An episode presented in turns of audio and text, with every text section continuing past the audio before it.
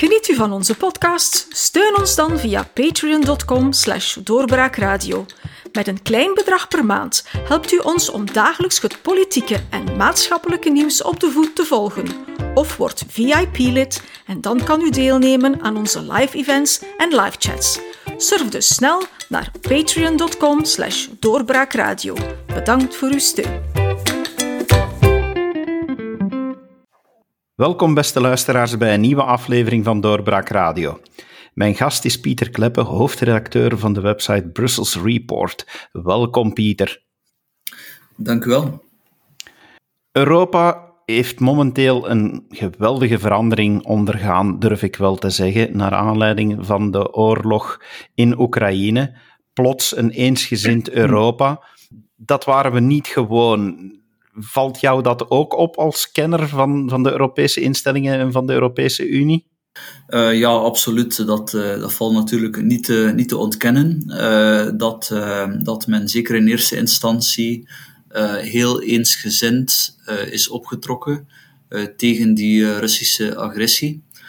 dus de situatie voordien was dat je uh, ja, verschillende kampen had. Je had de, de, de landen die vroeger bezet zijn geweest, de facto, door Rusland, uh, Polen um, bijvoorbeeld. Uh, je had dan landen die eigenlijk ja, niet echt um, meer dan een, een economische band hadden met Rusland. denk maar aan Italië, en, en die daar puur historisch gezien geen speciale trauma's mee hadden ervaren. En dan ga je natuurlijk ook uh, Duitsland, dat zit, die zitten daar een beetje, een beetje tussen. Hè. Dus Oost-Duitsland was, uh, lag onder de knoet van de, van de Sovjet-Unie. Maar ehm, ja, Duitsland heeft dan voornamelijk economisch dan toch ehm, de laatste twintig jaar, kan je zeggen, de banden met Rusland sterk aangehaald. specifiek de, de energiebanden. nu, daar is op zich niets mis mee. Uh, maar uh, die energieafhankelijkheid van Duitsland, wat dat men soms niet vermeldt, die is eigenlijk vrij kunstmatig. Die is het gevolg van, um, van het Duitse energiebeleid, dat ook op Europees niveau um, heerst, waarbij dat men eigenlijk uh, zegt dat men zoveel mogelijk naar hernieuwbare energiebronnen wil gaan evolueren. Nu, daar is op zich niets tegen, hè. het is een, een, mooie, een mooie droom om uh, afhankelijk te zijn van windenergie, van zonne-energie, um, van waterkracht. Natuurlijk, um, dat laatste voor waterkracht, dat is enkel voor specifieke landen um, een, een, eh, mogelijkheid. Uh, denken we maar aan Zwitserland, aan, aan Oostenrijk. Dus als je hernieuwbare energie wil en je hebt niet zo van die natuurlijke energiebronnen, dan, ja, dan, dan beland je al snel bij, bij wind en, uh, en zonne-energie. En om een lang verhaal kort te maken, onlangs, ondanks de, de gigantische subsidies die die uh, energietechnologie uh, heeft genoten over de voorbije twintig jaar toch alleszins, um, maakt um, hernieuwbare energie nog altijd maximaal 10% van de de wereldwijde energieproductie uh, uit. Uh, dus um, de Europese Commissie, de Duitse regering, die herkennen dat, maar ze zeggen ja, het, gaat om een, een transitie.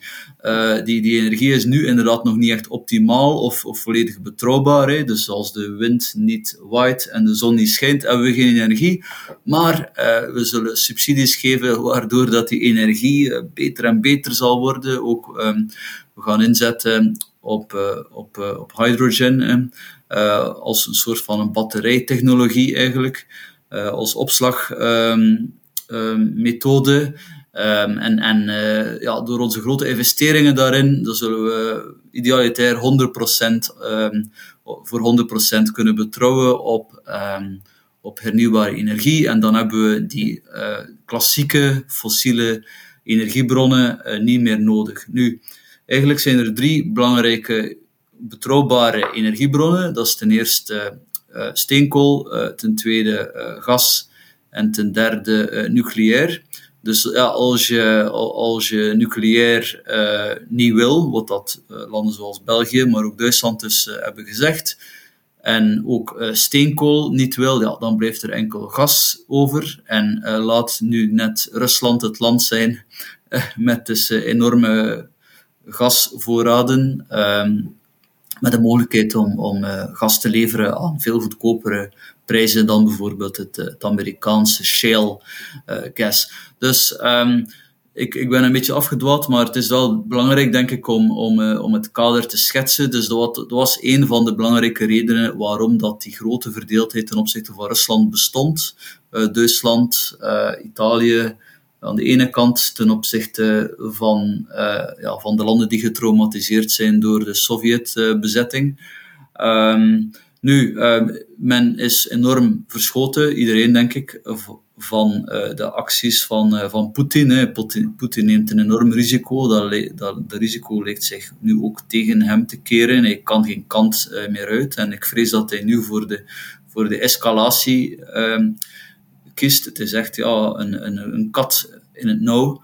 Um, dus um, ja, het, het, gevolg is, is dat men heeft gezegd, we moeten iets doen. Ook al is Oekraïne geen lid van de NAVO. We willen het ten alle prijs vermijden om zelf in dat conflict te worden gezogen. Maar eh, ook al kunnen we Poetin niet overtuigen met die sancties, kunnen we toch een, soort van een signaal sturen naar, uh, ja, naar toekomstige ehm, beleidsbeslissingen in de, in de, ja, van, van, van, van buurlanden of van landen in de Europese omgeving om, om, om, om dit soort eh, zaken landen gaan binnenvallen, om, om zomaar land te gaan roven, dat dit echt niet kan en dat de gevolgen bijzonder groot zijn.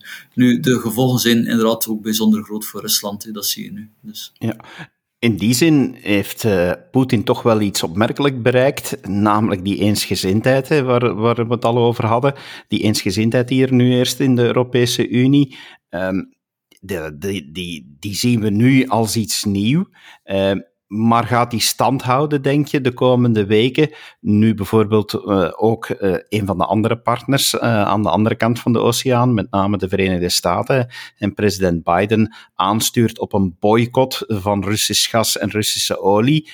Gaat dat stand kunnen houden als die vraag echt nu, en ze begint toch wel te leven binnen de Europese Unie, om ook te gaan afschakelen van de Russische energievoorzieningen? Um, op dit moment is de Europese eensgezindheid al uh, verbrokkeld. Um, dus uh, men heeft eigenlijk zeer snel geschakeld. Men, heeft, uh, men is zelfs zo ver gegaan om dus met Europese middelen wapens te gaan financieren. tot 450 miljoen euro, dacht ik. om aan Oekraïne te geven. Dat is zeer vergaand. Um, ik heb daar mijn bedenkingen bij. Ik heb ten eerste mijn bedenkingen bij het, het leveren van wapens aan conflict situaties. Ook al gaat het hier inderdaad om een land eh, waar ik natuurlijk 100% sympathie voor heb. Um, en denk iedereen, maar, maar, maar um, we moeten dat toch niet zo, zo evident vinden om in, in zeer gevaarlijke conflicten aan onze voordeur Um, om, daar, uh, om, om, daar zomaar wapens te gaan leveren. Dan een tweede is dat een taak van de Europese Unie. Dat geld uh, komt uit een soort van een zijbudget van de Europese begroting, niet uit de Europese begroting zelf. Dat is een techniciteit. Uh, maar ja, ik vind dat ook een gevaarlijk, een gevaarlijk precedent. Ik ben, ben niet echt een groot voorstander van een Europese defensie, omdat je anders ook duplicatie krijgt met, met de NAVO. dus um, nu, je ziet inderdaad um, op dit moment al um, tegenstellingen terug opduiken, wat dan natuurlijk evident is. Dus die waren eventjes ondergesneeuwd door de, de shock.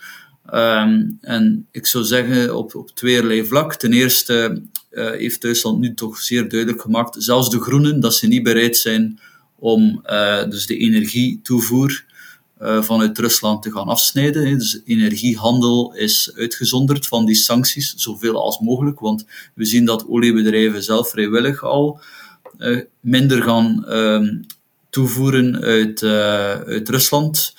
Um, en ten tweede um, is er ook een nieuw plannetje dat voornamelijk uit de koker van de Franse president Emmanuel Macron komt om nog maar eens een nieuw noodfonds te gaan oprichten van zomaar even 200 miljard euro. Een nieuw Europees noodfonds. Ehm, Duitsland is, daar, is daar zeer zeer kritisch over. De Nederlandse regering, Mark Rutte, de eerste minister, heeft gezegd dat hij dat helemaal niet wil.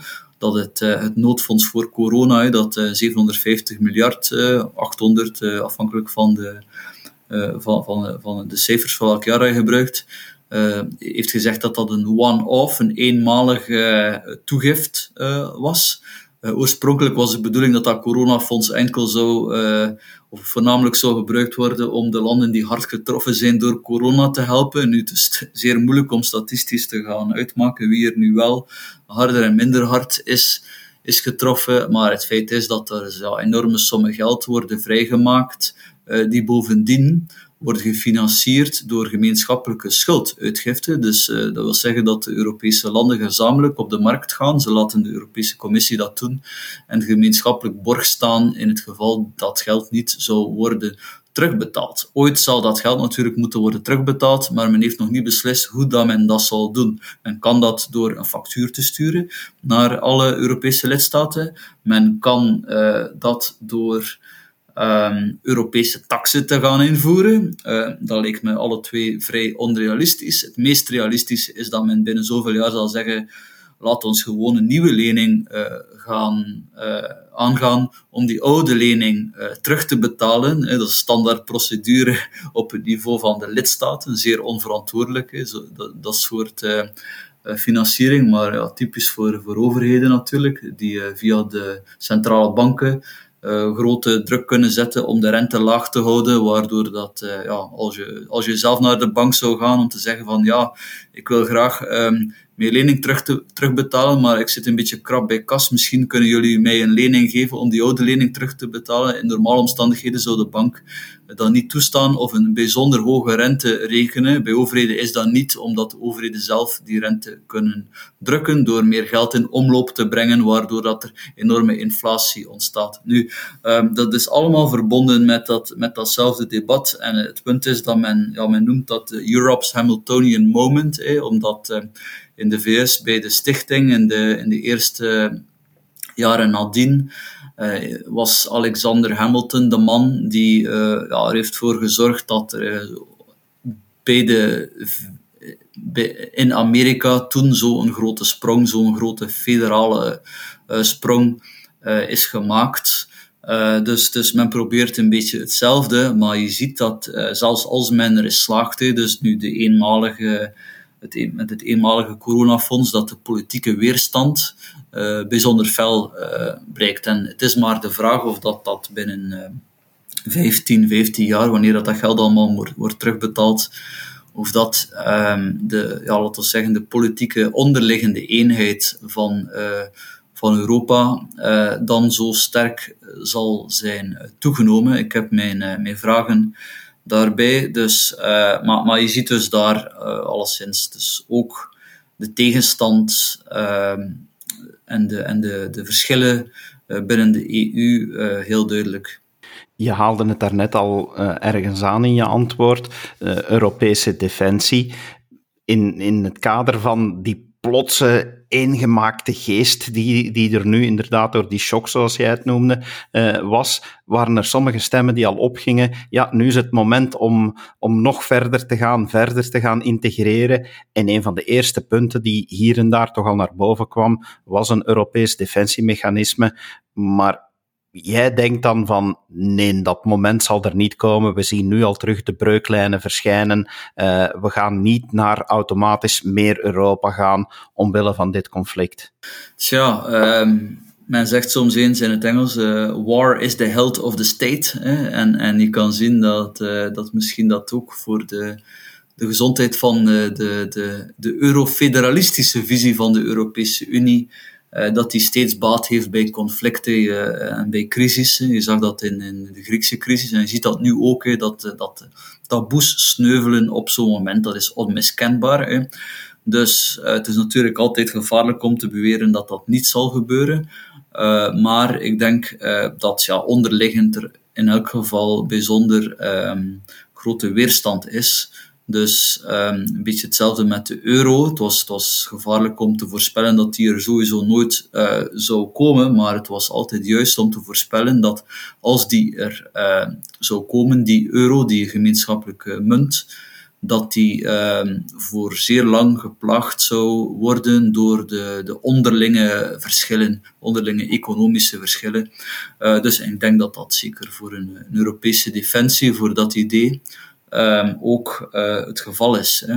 Nu, daar zijn verschillende problemen mee. Ten eerste, zoals ik zei, um, ja, heb je een soort van duplicatie. Hè. Dus je hebt dan enerzijds de NAVO, anderzijds heb je uh, dan een Europese defensie. Ik vind het een beetje bizar dat, uh, dat op het moment, op het tijdsgevricht dat, dat, dat het, het, sterkste leger uit de geschiedenis van de mensheid, het Amerikaanse leger, ehm, de sterkste democratie, en die, die toch veel culturele, ehm, laten we zeggen, banden heeft met, met Europa, dat je zou zeggen, ja, we, willen eigenlijk niet verdedigd worden door hen. We willen een, een, een apart defensie-entiteit en we zullen dat wel zien of, of dat we al dan niet en op welke vlakken een bondgenoot zijn van dat sterkste leger uit de geschiedenis. Dat lijkt mij niet zeer rationeel en zeker niet voor ons land waar, het,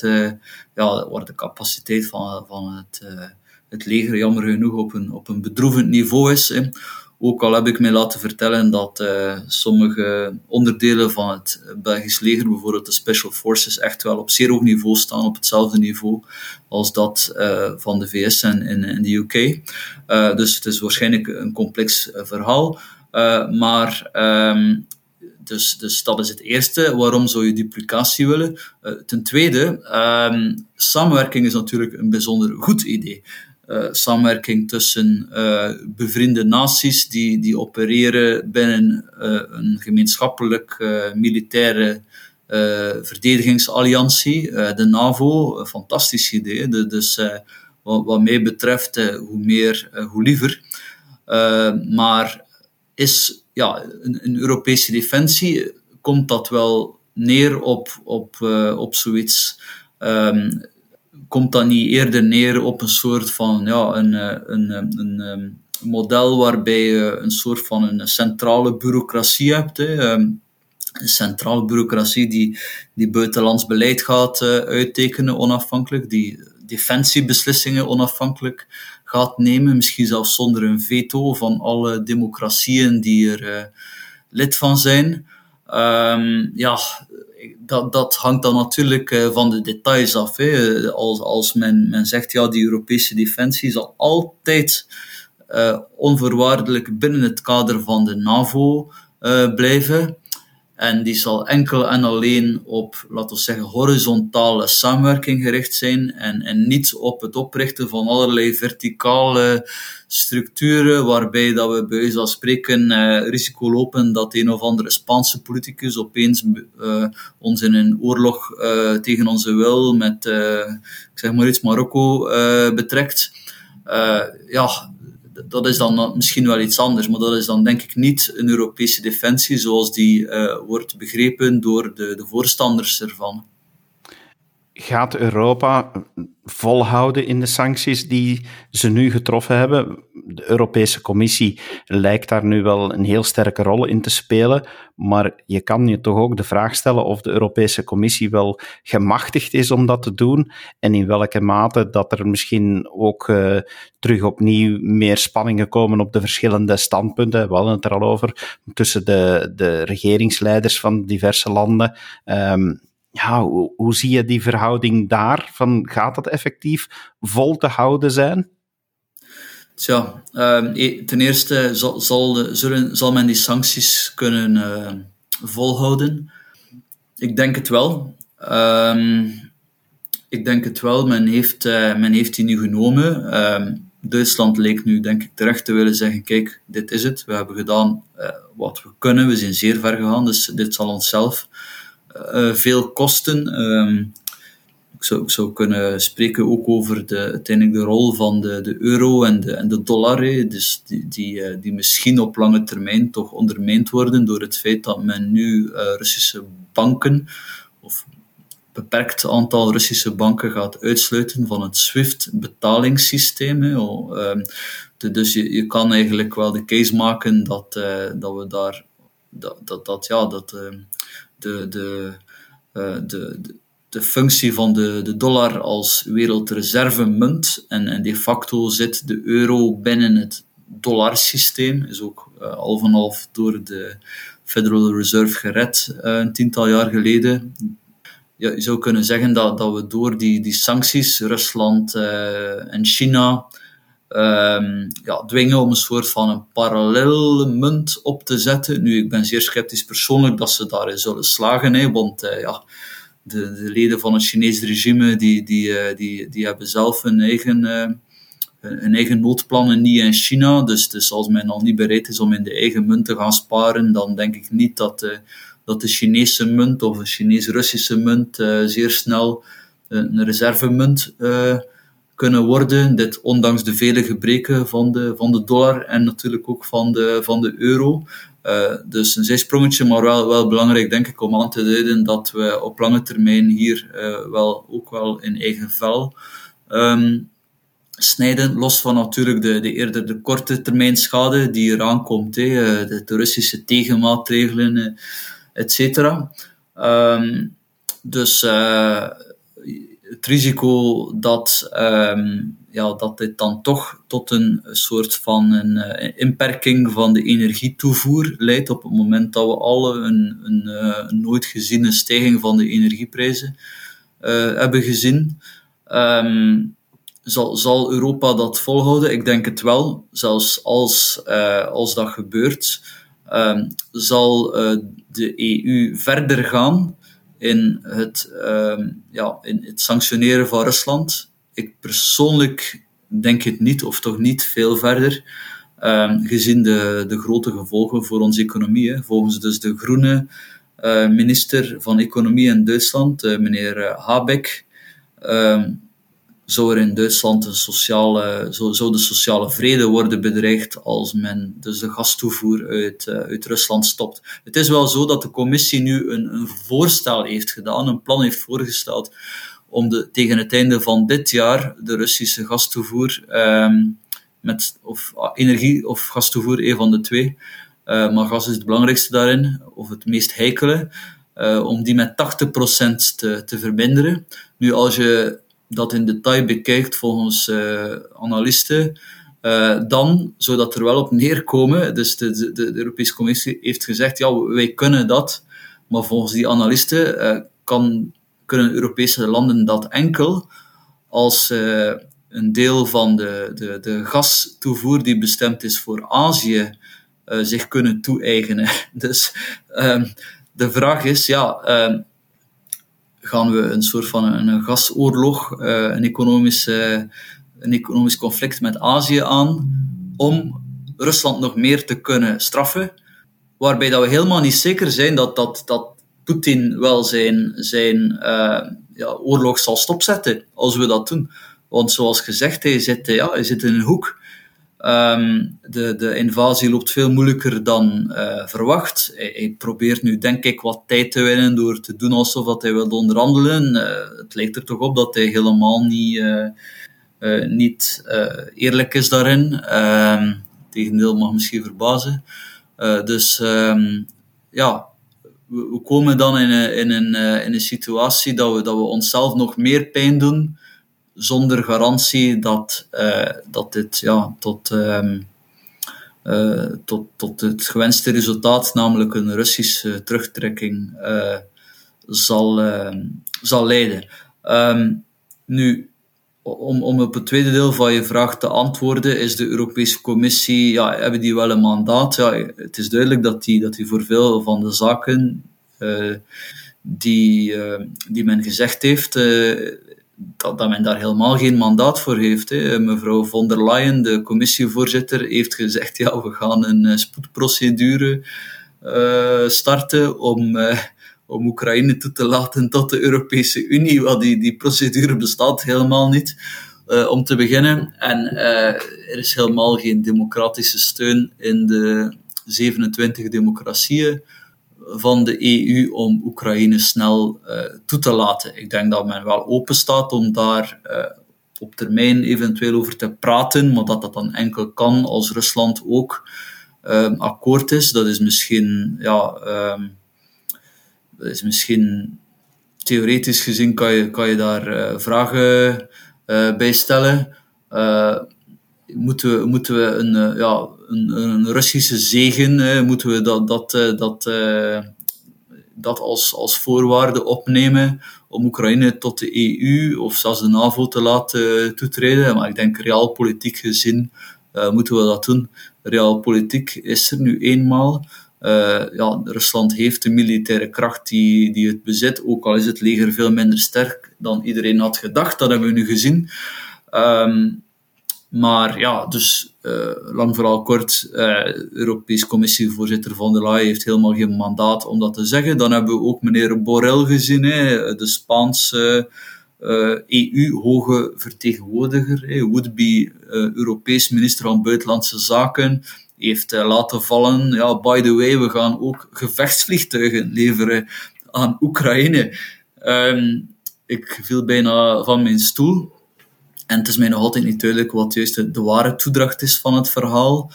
Uh, het blijkt in concreto te gaan om een plan om um, MIG gevechtsvliegtuigen, dus oude Sovjet-gevechtsvliegtuigen, uh, die op dit moment in het bezit zijn van Polen, om die over te hevelen aan uh, Oekraïne. Maar Polen is bang dat het daardoor in conflict zou komen met Rusland.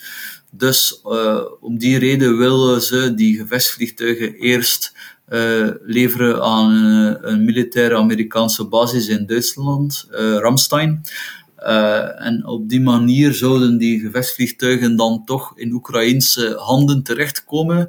Maar uh, ondanks het feit dat bijvoorbeeld meneer Blinken, de Amerikaanse minister van Buitenlandse Zaken, heeft gezegd: ja, dat is goed, uh, laten we dat doen.